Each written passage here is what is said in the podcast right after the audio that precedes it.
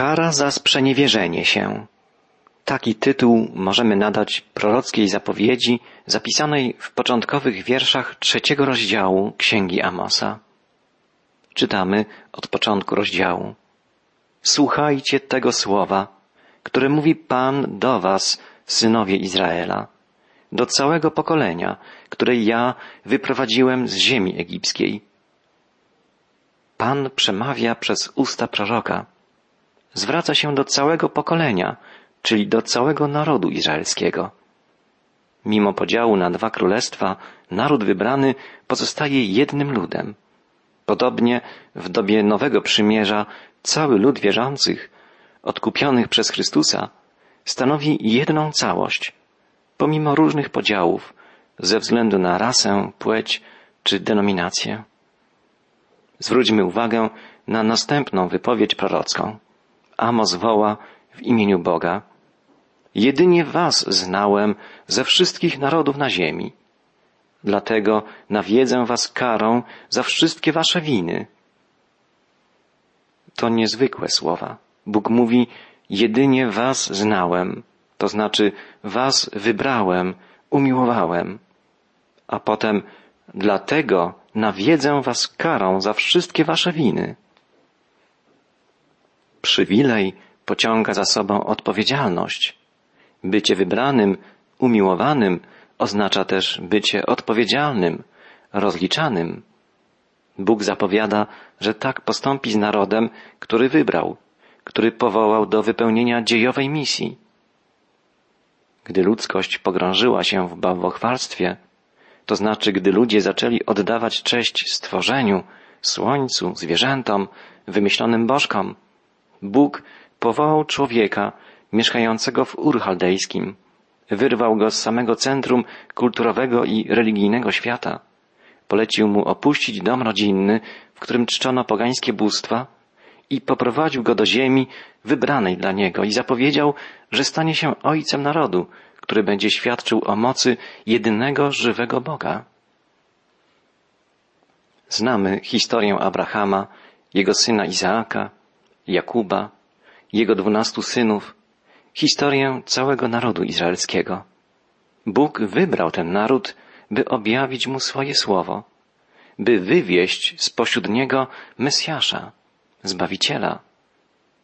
To pociągało za sobą niezwykłe przywileje, ale też niezwykłą odpowiedzialność.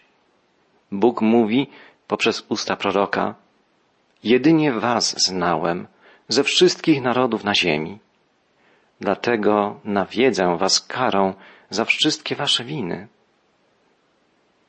Im większe poznanie, im większa wiedza w sprawach duchowych, tym większa odpowiedzialność przed Bogiem, tym surowsza kara za nieposłuszeństwo.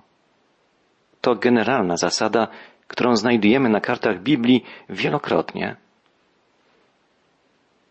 Pewien misjonarz stwierdził, wolałbym być tubylcem w buszu, żyjącym według zasad swojego plemienia, niż chrześcijaninem znającym Ewangelię, słuchającym co tydzień kazań w kościele, a jednak żyjącym po swojemu, samolubnie, egoistycznie. Tak, to wielka odpowiedzialność znać Ewangelię, wiedzieć o Chrystusie, a nie iść za Nim, nie żyć tak, jak On tego oczekuje. Drogi przyjacielu, musimy być świadomi faktu, że miłość Boga, okazana nam w pełni w Jezusie Chrystusie, jest wspaniała, cudowna, przemieniająca, ale musimy się na nią otwierać, musimy pozwolić, by Duch Chrystusowy przemieniał nas, by nas kształtował, prowadził. W przeciwnym razie, jeśli odtrącamy miłość żywego Boga, pozostaje nam jedno kara za nieposłuszeństwo, kara za świadome odrzucenie miłości Bożej. Zastanówmy się nad tym, jak odpowiedzieliśmy i jak odpowiadamy na Bożą inicjatywę, na Boże działanie. I patrzmy na tragiczne dzieje ludu pierwszego przymierza, jako na przykład stanowiący wielkie ostrzeżenie dla wszystkich wierzących. Prorok Amos mówi ludowi izraelskiemu w imieniu Pana. Wybrałem was ze wszystkich narodów ziemi. Objawiłem się wam, przemówiłem do was, a wy odwróciliście się ode mnie. Dlatego nawiedzę was karą za wszystkie wasze winy. Przeczytajmy jeszcze raz początkowe wiersze trzeciego rozdziału Księgi Amosa. Słuchajcie tego słowa, które mówi Pan do was, synowie Izraela, do całego pokolenia, które ja wyprowadziłem z ziemi egipskiej. Jedynie was znałem ze wszystkich narodów na ziemi. Dlatego nawiedzę was karą za wszystkie wasze winy. Bóg przypomina Izraelowi najpierw czas wyjścia z Egiptu. Podobnie wołali inni prorocy. Przypomnijmy słowa Jeremiasza. Idź i wołaj do uszu Jeruzalemu tymi słowy. Tak mówi Pan. Pomnę na miłość Twojej młodości, na uczucie czasu Twojego narzeczeństwa, gdy chodziłeś ze mną na pustyni, w kraju nieobsiewanym. Izrael był poświęcony Panu, był pierwocinami jego plonów. Bóg przypomina Izraelowi czas wyjścia z Egiptu. Mimo, że szli przez pustynię, której nikt nie obsiewa, byli szczęśliwi. Odzyskali wolność. Bóg troszczył się o ich bezpieczeństwo, o ich potrzeby, karmił ich manną, poił wodą, wytryskującą ze skały. Boży prorok przyrównuje ten okres do czasu narzeczeństwa, do wiosny. Wtedy Izraelici odwzajemniali miłość Boga. Wszystko było takie wspaniałe. Bóg obronił ich przed szarżą faraona, przeprowadził ich przez morze i każdego dnia prowadził w obłoku, a w nocy w słupie ognia. Ale szczęście nie trwało długo. Mimo, że Bóg dał im tak wiele dowodów swej miłości i dobroci, oni okazali się niewdzięczni, szemrali, że jest trudno, narzekali, buntowali się. A kiedy Bóg wprowadził ich jednak do ziemi obiecanej, odwrócili się od Niego. Zaczęli spoglądać ku bożkom ludów kananejskich. W chwili, gdy było im dobrze, gdy mogli bezpiecznie uprawiać żyzną ziemię i żyli w dostatku, zapomnieli o Bogu. Nie można nie zauważyć tu podobieństwa tamtej sytuacji do czasów współczesnych. Dzisiejsze społeczeństwo państw rozwiniętych ma wszystkiego pod dostatkiem. Materialnie powodzi się ludziom w krajach dobrobytu dobrze, a nawet bardzo dobrze. Ale pod względem duchowym klęska, posłucha, pustka, dezorientacja, dlatego że ludzie skoncentrowali się na dobrach materialnych, a zapomnieli o Bogu, dawcy wszelkich dóbr. Współcześni ludzie generalnie odwrócili się od Boga, zapomnieli o Bogu, bo ich myśli opanowało zabieganie o dobra materialne. Zapomnieli o Bożym Słowie, o Biblii, szukają prawdy w książkach naukowców, filozofów, albo żyją hedonistycznie, szukając jedynie przyjemności, rozrywki, zapomnieli o Bogu. Ale Bóg o nich nie zapomniał. Przytoczmy jeszcze jedną wypowiedź proroka Jeremiasza. Tak mówi Pan. Jakie zło znaleźli wasi ojcowie u mnie, że oddalili się ode mnie, a poszli za marnością i zmarnieli? Bez wątpienia są to jedne z najbardziej poruszających słów Pisma Świętego. Bóg przemawia przez proroka, co uczyniłem złego, jaką znajdujecie we mnie nieprawość, że odwracacie się ode mnie. Podobnie możemy zapytać, co dzisiaj w czynach Boga, w Jego dziele stworzenia, w dziele zbawienia dostrzegamy złego? A jeśli nie widzimy tu zła, tylko dobro, dlaczego odchodzimy od Boga? Dlaczego nie staramy się poznać Go, pokochać?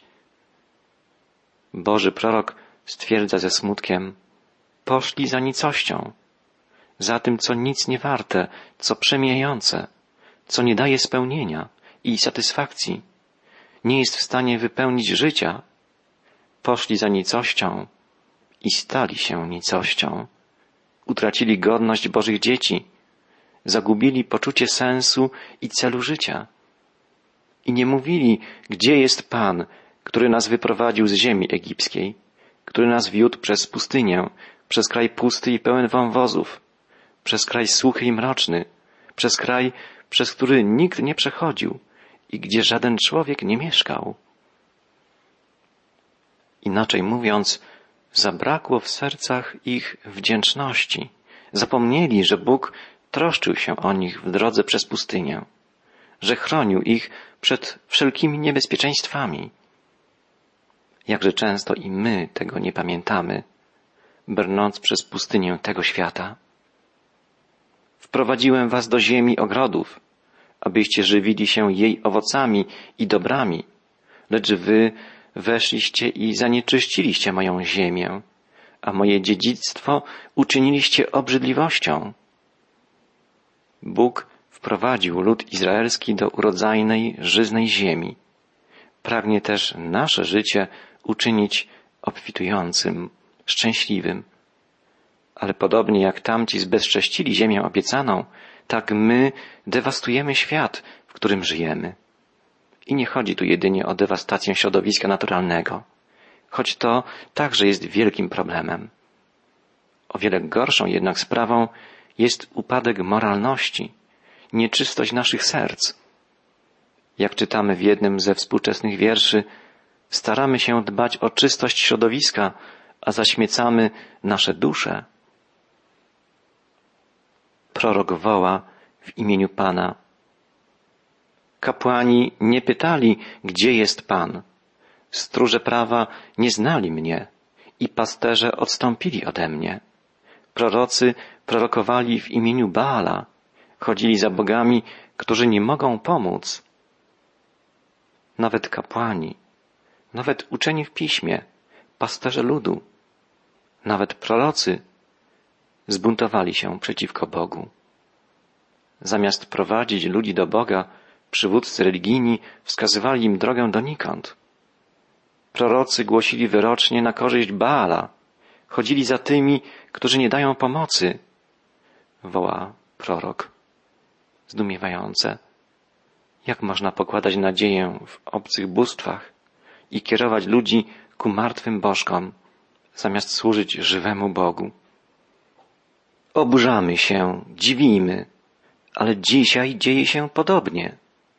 Mimo, że Bóg Ojciec posłał nam Jezusa, mimo, że On, Syn żywego Boga, objawił nam pełnię prawdy, dalej odwracamy się od Pana i Zbawiciela i kierujemy swoje zainteresowania ku martwym bożkom, ku rzeczom, ideom, które nie mogą dać spełnienia, nie mogą zaoferować ratunku, wolności, wiecznego życia. Zacytujmy jeszcze jedną wypowiedź wielkiego proroka Jeremiasza, wypowiedź, która uzupełnia słowa proroka Amosa. Jeremiasz stawia w imieniu Boga pytanie, czy jakiś naród zmienił swoich bogów, chociaż to nie są bogowie? Wszakże mój lud zamienił swoją chwałę na kogoś, kto nie może pomóc. Gdyż mój lud popełnił dwojakie zło. Mnie, źródło wód żywych, opuścili, a wykopali sobie cysterny, cysterny dziurawe, które wody zatrzymać nie mogą. Lud Boży odrzucił Pana, niezawodne źródło żywej wody, a zwrócił się ku dziurawym cysternom, ku obcym, zwodniczym, fałszywym bóstwom. Czy dzisiaj jest inaczej? Jest chyba jeszcze gorzej. Ludzie potworzyli sobie niezliczoną ilość dziurawych cystern, koncepcji, idei, które miały przynieść im szczęście i są coraz bardziej rozczarowani, zagubieni, zdezorientowani. Opuścili mnie, źródło żywej wody, mówi Bóg, żeby wykopać sobie cysterny, cysterny dziurawe, które wody utrzymać nie mogą. Widzimy, że Jeremiasz wskazuje nam sposób, w jaki powinniśmy patrzeć na nasze czasy, prorok wydaje się mówić, powinniście zapłakać nad swoim stanem. Odwróciliście się od Niego, od Jego miłości, od Jego prawdy, od żywej wody, a czerpiecie z błotnistych kałuż tego świata.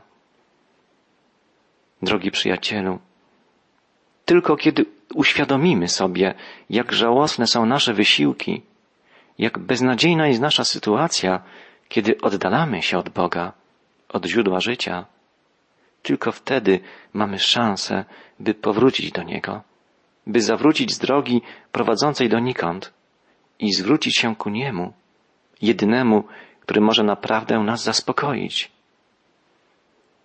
On stworzył drogę powrotu poprzez Jezusa Chrystusa. Możemy na nowo wejść w bliską więź z Nim. Możemy doświadczać prawdziwej łączności z naszym Stwórcą i Zbawicielem. Jezus Chrystus oferuje nam to, za czym tęskni każdy człowiek. Nie ma innej drogi. Jezus mówi, ja jestem drogą. Nikt nie przychodzi do Ojca inaczej, jak tylko przeze mnie. Dopóki nie jesteśmy całkowicie przekonani, że nie ma innej drogi, to nie jesteśmy gotowi na przemianę, na prawdziwe nawrócenie, na duchową odnowę. Jeśli szukamy innej drogi, w filozofii, w psychologii, w socjologii, w historii, sztuce, rozrywce, w jakiejkolwiek dziedzinie czy dyscyplinie nauki czy kultury. Jeśli myślimy, że tu można znaleźć ostateczne odpowiedzi na najważniejsze pytania o sens i cel życia, to znaczy, że jeszcze nie rozumiemy w pełni swojego położenia. Nie jesteśmy gotowi na otwarcie się na Boże działanie. Nie jesteśmy gotowi na prawdziwą rewolucję miłości, której tak rozpaczliwie potrzebujemy. Nasze spojrzenie musi być zgodne z Bożym punktem widzenia, z prawdą Bożego Słowa. Jeżeli tak będzie, nie będziemy podsuwali nikomu tanich, chwilowych rozwiązań, lecz będziemy prowadzić bliźnich ku źródłu życia, do Chrystusa. On woła, jeśli kto pragnie, niech przyjdzie do mnie i pije. Kto wierzy we mnie, jak powiada pismo, z wnętrza jego popłyną rzeki wody żywej. Powróćmy do proroctw Amosa. Po dramatycznej zapowiedzi Bożej kary, która spotka Izraela z powodu nieposłuszeństwa, w dalszych wierszach trzeciego rozdziału Księgi Amosa zapisanych jest kilka pytań, które Amos stawia swym rodakom, żeby uświadomić im nieuchronne nadejście Bożego Sądu, pewnego, jeśli nie zmienią swego postępowania. Najpierw prorok pyta, czyż wędruje dwurazem, jeśli się wzajemnie znają? Wytrwała wędrówka jest możliwa tylko wtedy, gdy ci, którzy wędrują, dobrze się znają i zgadzają się na wspólne wędrowanie. Tak jest w relacji przyjaźni, tak jest w relacji małżeńskiej i tak też jest w relacji z Bogiem. Jeśli chcemy iść z Bogiem przez życie, musimy się z Nim zgodzić. Musimy zaakceptować Jego wolę. To nie On ma się zgodzić z nami.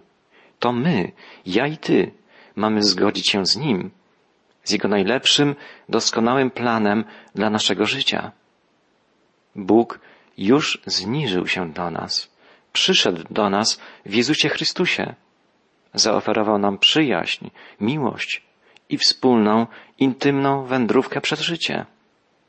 Teraz my musimy zgodzić się z Nim, musimy przyjąć Jego propozycję, otworzyć się na Jego przyjaźń, na Jego miłość. Tak było z narodem wybranym, ludem pierwszego przymierza. Bóg objawił się Izraelitom, dał się im poznać i oczekiwał na ich reakcję, na ich odpowiedź. Czy pójdą z nim ręka w rękę? Najpierw tak było. Wyszli z Egiptu, szli przez pustynię, ale gdy przyszły trudy, doświadczenia, buntowali się, szemrali. A kiedy w końcu dotarli do ziemi obiecanej, zamieszkali w niej i powodziło się im dobrze, zapomnieli o Bogu, odwrócili się od Niego, przestali Go znać. Czyż wędruje dwurazem, jeśli się wzajemnie znają? Czyż ryczy lew w lesie, zanim ma zdobycz? Czyż lwiątko wydaje głos ze swego legowiska, jeśli niczego nie schwytało? To kolejne pytania proroka Amosa. Czy lew ryczy w lesie, zanim ma zdobycz? Oczywiście, że nie. Lew, kiedy poluje, porusza się bezszelestnie. Skrada się cicho na swoich wielkich, miękkich, kocich łapach. Dopiero kiedy dopadnie swoją zdobycz, triumfalnie ryczy. A małe lwiątko? Czy wydaje głos ze swego legowiska? Nie. Małe lwiątko, ukryte w legowisku, zachowuje ciszę, nauczone przez matkę, że powinno spokojnie czekać na jej powrót i na powrót ojca. Wtedy może hałasować, może ćwiczyć pomruki, biegać, gdyż jest bezpieczne pod opieką potężnych rodziców.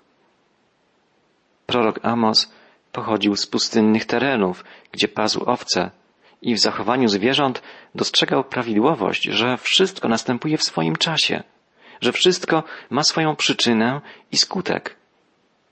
W obrazowy sposób prorok zapowiada, wasze postępowanie, ludu izraelski, pociągnie za sobą nieuniknione następstwa. Za nieposłuszeństwo, za odstępstwo spotka was zasłużona kara. Prorok Amos pyta dalej, czyż spada ptak na ziemię, jeśli nie było sidła? Czyż się unosi pułapka nad ziemią, zanim coś schwytała? Ptak spadający na ziemię to sygnał, że ktoś zastawił pułapkę, w którą on wpadł. Podobnie pułapka, sidło, wnyk nie unoszą się nad ziemią, dopóki nie wpadnie w nie ptak trzepoczący skrzydłami. Amos podaje kolejne ilustracje wyjęte z życia pośród przyrody. Wskazuje niezbicie, że wszystko ma swoją przyczynę i skutek. Następnie prorokowała, czyż dmie się w trąbę w mieście, a lud się nie przelęknie? Czyż zdarza się w mieście nieszczęście, by Pan tego nie sprawił?